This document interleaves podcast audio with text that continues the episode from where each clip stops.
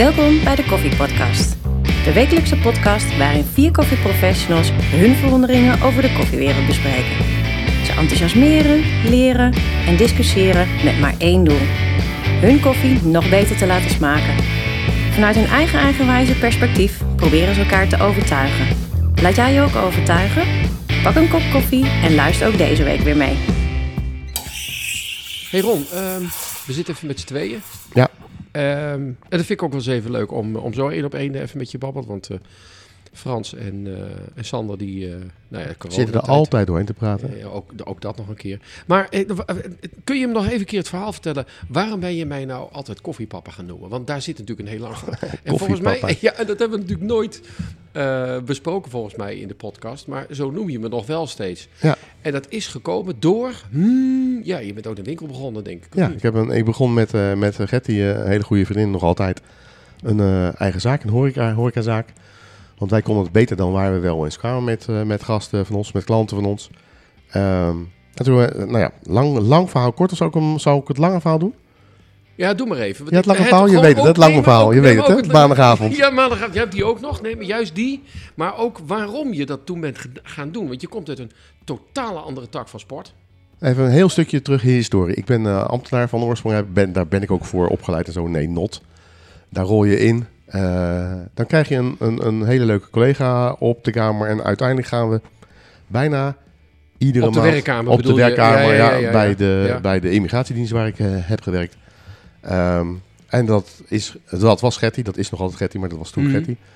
Eh, en die zei, joh, we moeten hier wat meer reuring doen. En toen zijn we iedere maand wat gaan doen. Dus een baby shower of een, een, een high tea. En eh, toen zeiden de collega's, daar moet je wat mee. Dat, dat jullie doen het zo handig. dus. Ja, maar ook eh, dat wat mensen vragen kunnen, kunnen, kunnen doen. Toen zijn we een, een, een eh, bedrijf gestart waarin we... Ja, ik mag niet aan die stoel zitten, dat hoor je heel goed, hè? Ja, ja. Dit hoor je heel goed. Ja, ik zal, hem- dat- ik zal, ik zal hem even wegschuiven zo. Ehm, en toen zijn we een bedrijf gestart die eigenlijk evenementen ging uitvoeren. Get On Events. Get van Getty, On van Ron.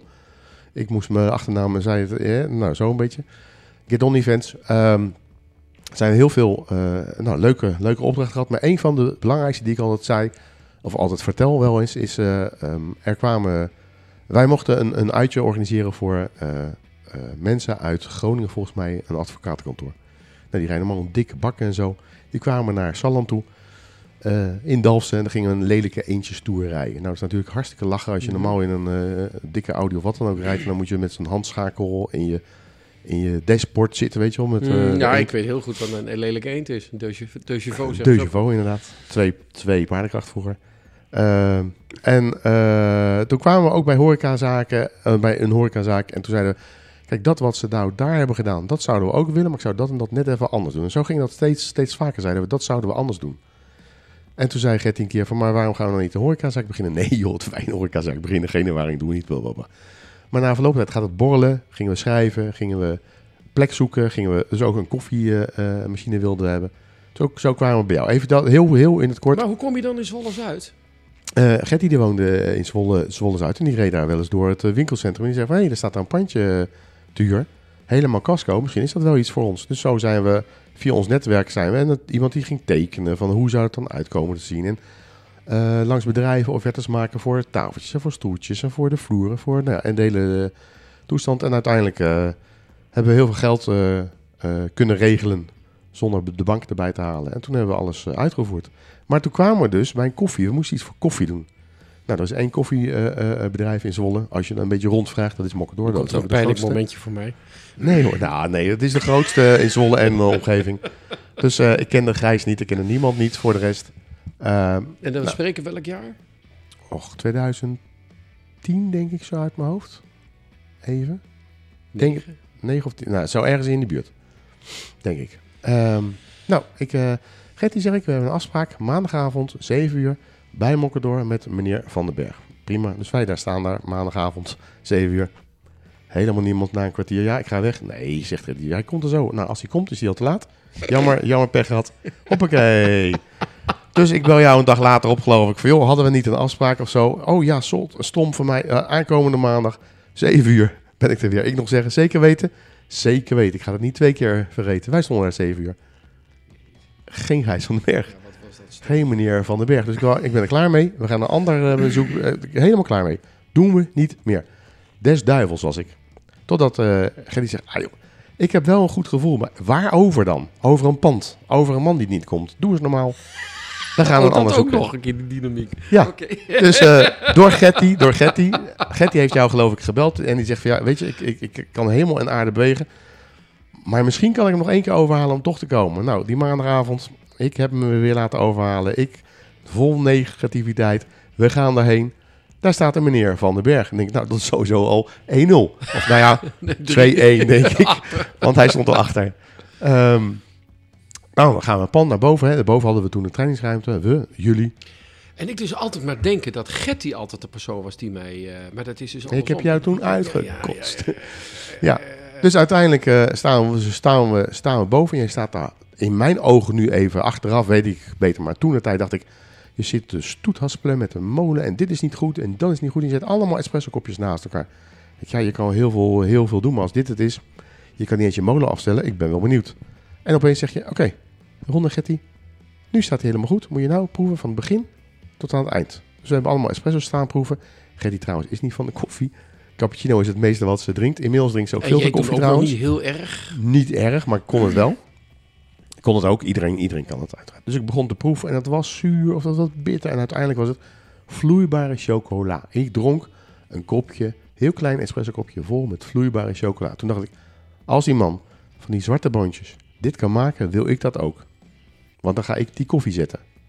En zo, eh, eh, en dan toen zei ik altijd, want we hebben een paar keer getraind, ook met opschuimen en zo, dat jij mijn koffiepapa was. Want jij had mij alles geleerd van koffie zetten. Nou, toen was dat, want toen had ik geen kennis en kunde. Dat moment ben ik helemaal kwijt dat jij... eh, dat ik mij- al die kopjes voor je neer, neus Och, joh. neergezet. Dat weet ik nog heel goed. Want stonden aan de kant van het raam bij die machines, Ja, stonden er twee. Ja, ja, ja, ja, en er stonden echt ik denk wel zes of zeven of acht kopjes. Maar dat bij jou dit moment gebeurde, dat deed ik ook niet meer. en toen stond het gelijk. Toen was het 2-2 trouwens.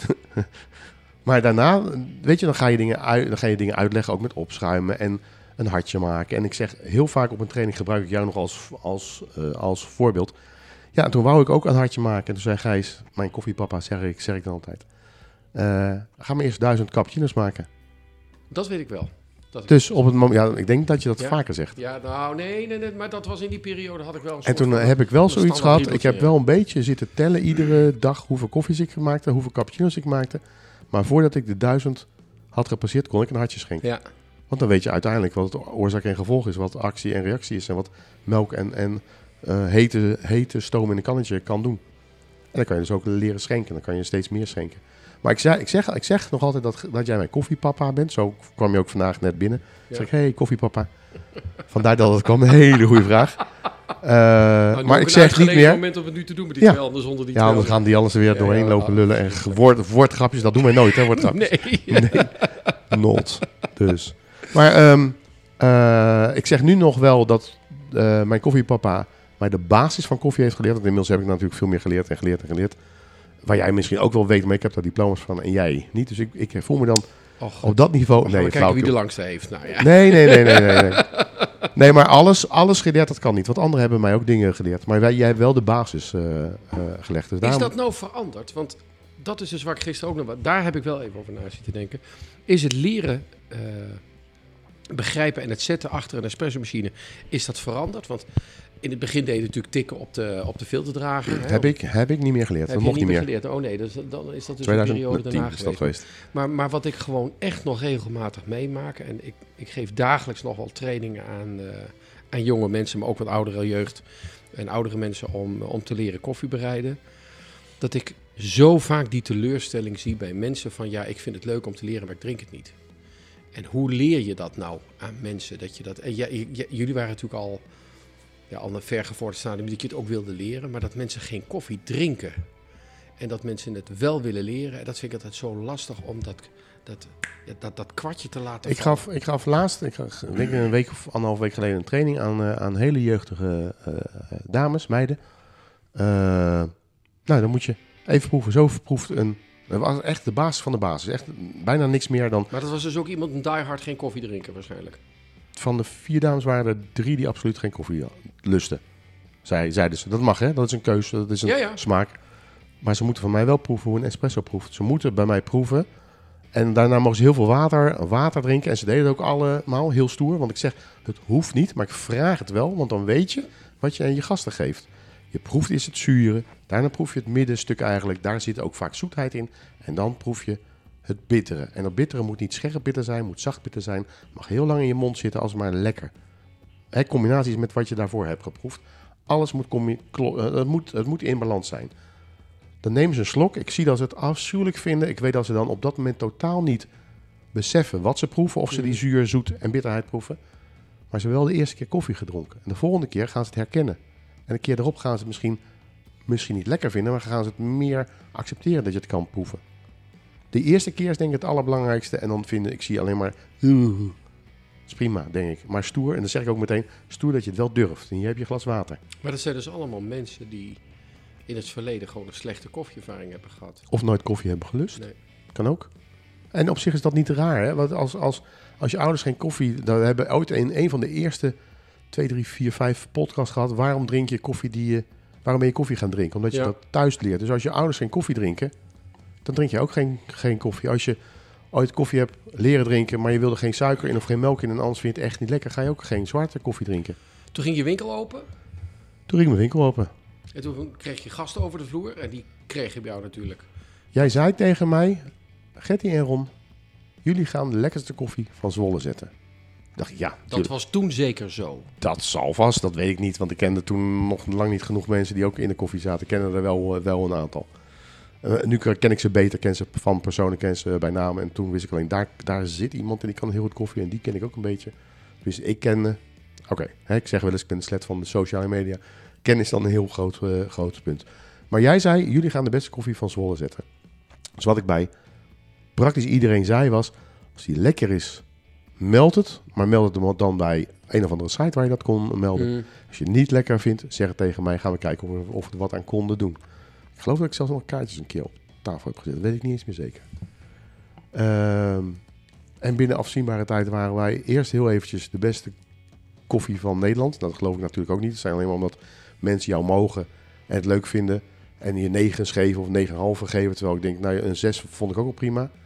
Eh, dan komen er mensen die nooit geweest zijn. En zeggen, maar jullie hebben helemaal niet lekkere eh, siroopjes. Jullie hadden mijn siroopje niet. Nee, we hebben nooit siroopjes gehad. Hebben we ook nooit gedaan. Dus, en die gaan dan een 4 en 5 geven. Nou, dat zijn misschien fans van anderen. Dat vind ik ook niet erg. Maar na Mhm. verloop tijd vlakte dat af naar binnen twee, drie dagen de beste van Zwolle. Toen zaten we heel lang op de beste van Zwolle. En een beetje erboven en eronder in 1, 1, 2. En dat was puur omdat andere mensen dat gingen zeggen van ons. En na verloop had ik, had ik, had ik zoiets van, ja, weet je, ik doe er niks meer aan. Eh schijnbaar gaan mensen vanzelf het ook melden. Want het bleef maar doorgaan en doorgaan en doorgaan. Maar verbaasde je erover? Eh, ja, want ik denk niet dat als je net, eh, net, net koffie kan zetten, om het zo maar te zeggen, en net een horecazaak bent begonnen zonder enige ervaring aan de achterkant, hè, altijd aan de voorkant en betalen. En nu sta je dus zelf broodjes te maken en koffies en dat soort dingen te maken. Eh, maar wel met beleving en passie. Dan denk ik, waarom zou ik dan de beste hebben? Tuurlijk, je, je kan jezelf heel hard op de borst kloppen en zeggen, ik ben de beste. Maar zo, zo waren we niet, zo zijn we nog altijd niet. En dus anderen, als anderen dat zeggen, dan ga je eerst denken, ja, tuurlijk, dat is omdat je me kent, omdat je een vriend bent, omdat je collega bent, of wat dan ook allemaal. Maar na verloop gaan mensen die, jou niet kennen dat ook zeggen. Van ja, ik ga wel wat daar en daar koffie halen, maar die is niet zo lekker als hier. Dan ga je toch langzamerhand ook denken van dat wat ik geleerd heb van jou, eh, is wel een basis van iets. En dan kan je ook steeds meer uitleggen wat koffie is en wat cappuccino is. En waarom de melk dan vers moet zijn of juist niet. Of veel vet en vet, vet moet hebben. En zo kan je heel veel dingen steeds meer... Want wij gingen niet één keer trainen. We hebben wel heel vaak getraind. Mega veel getraind. Maar dat was niet omdat we aan wedstrijden mee gingen doen. Maar puur omdat we wilden dat we goede koffie gingen Maar zetten. dit is eigenlijk een bericht ook natuurlijk aan heel veel horecaondernemers. Niet zozeer dat ze het fout doen, maar steek er wat meer tijd in, toch of niet? Nou, ik, ik, denk dat, ik denk dat het allemaal beter kan. Als ik een horecatraining geef, of soms een offerte maak al, zeg ik al... Met de koffie, de machine en de molen die je hebt, kan je nu al betere koffie zetten. Denk je je dan ook nou- vaak terug als je die offerte maakt? Ja, Denk je dan weer terug in die tijd? Oh, ik denk wel eens aan die... nou, ik zeg niet dagelijks of wekelijks, maar ik denk regelmatig terug aan van... Jeetje, had ik, hadden wij toen niet die stap gemaakt? Of had, had jij toen niet die derde keer toch... Had Getty jou toch niet overgehaald en mij overgehaald enzovoort? dan, dan hadden we hier misschien ook als podcast niet gezeten. Dus dat is, het gaat wel steeds verder. Dan had ik ook niet in de koffie gekomen. Had ik niet in de Specialty Coffee Association in het bestuur eh, wedstrijden. Nee, dan was het allemaal dat. niks. Nee. Wedstrijden ook zoiets. Ja. Ik weet nog hoe jij mij bij de wedstrijden haalde. Weet jij dat nog? Nee. Oh, we gaan alleen Nee. maar herinneringen van ons te ophalen. Wordt een hele saaie eh, aflevering voor eh, heel veel mensen. Ik ging met Getty, moet ik even terugdenken, ik weet niet welk jaar. Misschien, Ja, zal- ik zal straks nog 2010. jaarlabels hebben, maar ik... Oké, naar koffie, beleef koffie, thee, cacao. Nee, beleef koffie en thee in Houten. In, in Houten. In Houten. En daar kwamen we volgens mij op een dinsdag, denk ik, aan het eind van de dag. Dat was rustig. Wij snel in de auto. We daar was iets met een koffie en een beurs en we gaan naar kijken. En we komen naar binnen en we krijgen als eerst, en dat, dat was heel fijn, krijg je een, eh, lopen langs een, een, een kraam en die zegt, jongens, moeten jullie nog eh, muffins hebben? Ja, hier. En we kregen er twintig in, in een zak. Want het was de laatste dag, de laatste middag en alles moest toch anders zeggen. Dus we liepen al met een enorme zak met muffins. Van wie weet ik niet, maakt niet uit, prima. En we lopen langs een heel klein steentje, want je stond op een heel klein steentje. Ja. Was ik niet gewend. Nee, nu inmiddels niet gewend. Toen Nee, wist ik niet beter. Toen wist ik, ja. toen wist Ja, ik, toen wist ik niet beter. En ik ging kijken bij een wedstrijd. En daar, eh, eh, dat was een cup tasting wedstrijd. Eh, niet wetende wat er gebeurt, dus gaan laten kijken. En er zitten wat mensen te slurpen aan, aan aan kommetjes. En die tillen ze dan op. En dan hebben ze gewel of niet gewonnen. Nou, het, zal, het zit naast mij. Dit verhaal heb ik al een keer verteld, geloof ik. Maar anders gaan mensen het maar doorskippen. Zit naast mij een jongen met een uh, Heb je het jaar portafilter. erop dan wel meegeholpen met organiseren? Ik kom, ik kom er, nou, organiseren niet. Eh, er zit een jongen met een uh, portafilter eh, op zijn rechter onderarm. Eh, de naam die ik heel vaak zeg, maar nu niet ga zeggen. Maar hij heeft een zaak in Amsterdam. Hij heet Lex. Fantastische koffie en fantastische gozer. Oh, je bedoelt Lex Wenneke? Joh. Oh, nee. Kerel. En eh, eh, ik vraag aan hem, nou, wat, wat is dit? En hij legt het uit, hè. Drie, drie kommetjes, waarvan twee dezelfde en een en andere Ik koffie. trouwens denken aan Anne-Jan Bakker, maar dat was even... eh, Sorry. Ja, die naam zegt mij in dan Arnhem helemaal niks. Een hele mooie zaak. Ja, oké. Bin, binnenkort heen? Ja, waarom niet? Tuurlijk, als we tijd hebben. Ehm, maar uiteindelijk legt hij uit wat dat is en eh, dat hij kampioen is. En het jaar, hetzelfde jaar gingen we naar Wenen toe om te kijken bij de wedstrijden daar zo. Dus dat zal 2000... Is dat 10 al? Ja, 10 of 11. 11. Ja, zo ergens in die buurt. Dus, ehm, nou, hartstikke grappig. En, en ja, ja, ik zit in de volgende ronde. Oh, leuk. Ja, in de halve finale of kwart, halve finale geloof ik. Nou, dus nou, ik loop weer even terug naar jou. En uh, we lopen een beetje rond en we kijken. Oh, hij is weer aan. Oh, hij wint weer. Hij is Nederlands, Nederlands kampioen geworden. Nou, grappig. De man waar ik net heb gevraagd wat hij aan het doen is, die wordt Nederlands, Nederlands kampioen. Dan kan je dus je maar heel goed proeven.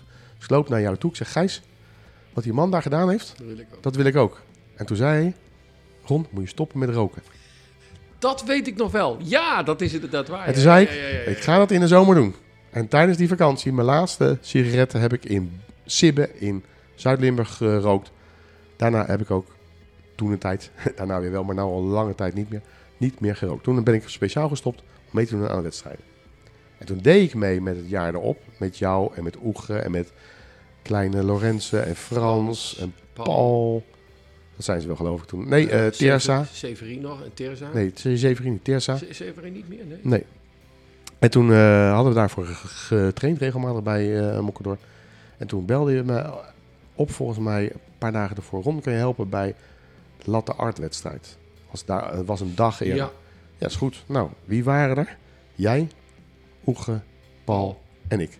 En meer waren, dat waren de vrijwilligers toen de tijd.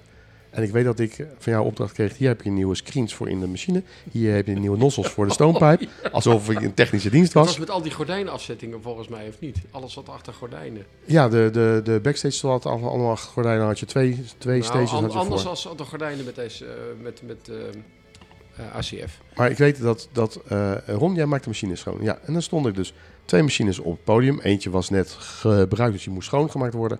Als ik klaar was, stonden er twee deelnemers achter ook. En die moesten machines ook. Dus ik heb met de ramman gewerkt. Alleen maar schoonmaken van die machines. Eerst, hoe krijg ik zo'n screen in je, in je groep? En hoe draai ik die nozzle eraf? Dat had ik nooit gedaan, want hallo, ik stond koffies te maken. Ik was geen... eh, ehm, en toen weet ik nog dat Friso van der Meij op het podium, die, deed de, die was de MC, de Master of Ceremony. En die stond opeens achter mij met een microfoon in zijn hand en bij mijn, bij mijn mond. En Ron, waarom is het nou zo belangrijk dat die machines schoon gaan? En ik had echt geen idee. Ik, had, nee, ik was gewoon een aapje die een kunstje had geleerd. Eh, en ik had de regels ook niet gelezen, maar ik had wel gehoord... de machine moet schoon zijn, want als hij niet schoon is, krijgen ze strafpunten. Dus eigenlijk zorg jij ervoor dat de deelnemers geen strafpunten krijgen. Ik ja, dat klopt, maar ze controleren ook van tevoren de machine. Dat lang, lang vaak kort. Uh, dat was mijn eerste meehelpen met de wedstrijd. Een dag later mocht ik meedoen met de Cup Tasting Kampioenschap. Toen, uh, toen ben ik uh, negende geworden. Ik mocht niet naar de halve finale. Paal is een stekker. Uh, maar toen is het wel, wel begonnen. Anders was ik nooit met de SCA in aanraking gekomen. Dan was ik nooit verder gegaan. Hè. Ik heb vrijwilliger geweest en ben vrijwilligers coördinator geweest en evenementenorganisator en zit in het bestuur, doe het nog altijd. Ben je nog wel eens weer geweest bij je oude zaak? Ja, ik ben er nog wel eens. Nou, de laatste tijd is een, een, een hele tijd geleden. Ik volg ze nog wel op de, op de socials. Uh, ook weer net zo met veel enthousiasme bezig, ook met koffie. Hè? Ja, maar dat, dat kunnen ze ook. Dat zijn twee hele leuke mensen. Hart van Zuid heet het nu. Ja, Hart van Zuid. In Zwolle, Zuid. Dus mensen die uh, dit horen en in Zuid wonen of in Zwolle zitten. Nu erheen gaan. Nu nee, sorry, gaan. nee, nee, nee, nee. het is nu dinsdagavond, maar dus ze zijn dicht, denk ik. En als je het uitzendt, dan is het donderdagmiddag. Dat is donderdag 12 uur, dan kan het wel uiteraard. En zeg dan eventjes dat wij ze genoemd hebben. Dat is altijd wel leuk. Ja, dat is altijd wel leuk. Ik ben, ben benieuwd wanneer we dat terug horen. Ja. Dus nee, dat is... Hey. Uh, dat is uh, een goede ervaring, uh, Ron. Dankjewel. Top. Heb je nog een vraag voor onze vrienden? Stuur dan een bericht via de socials.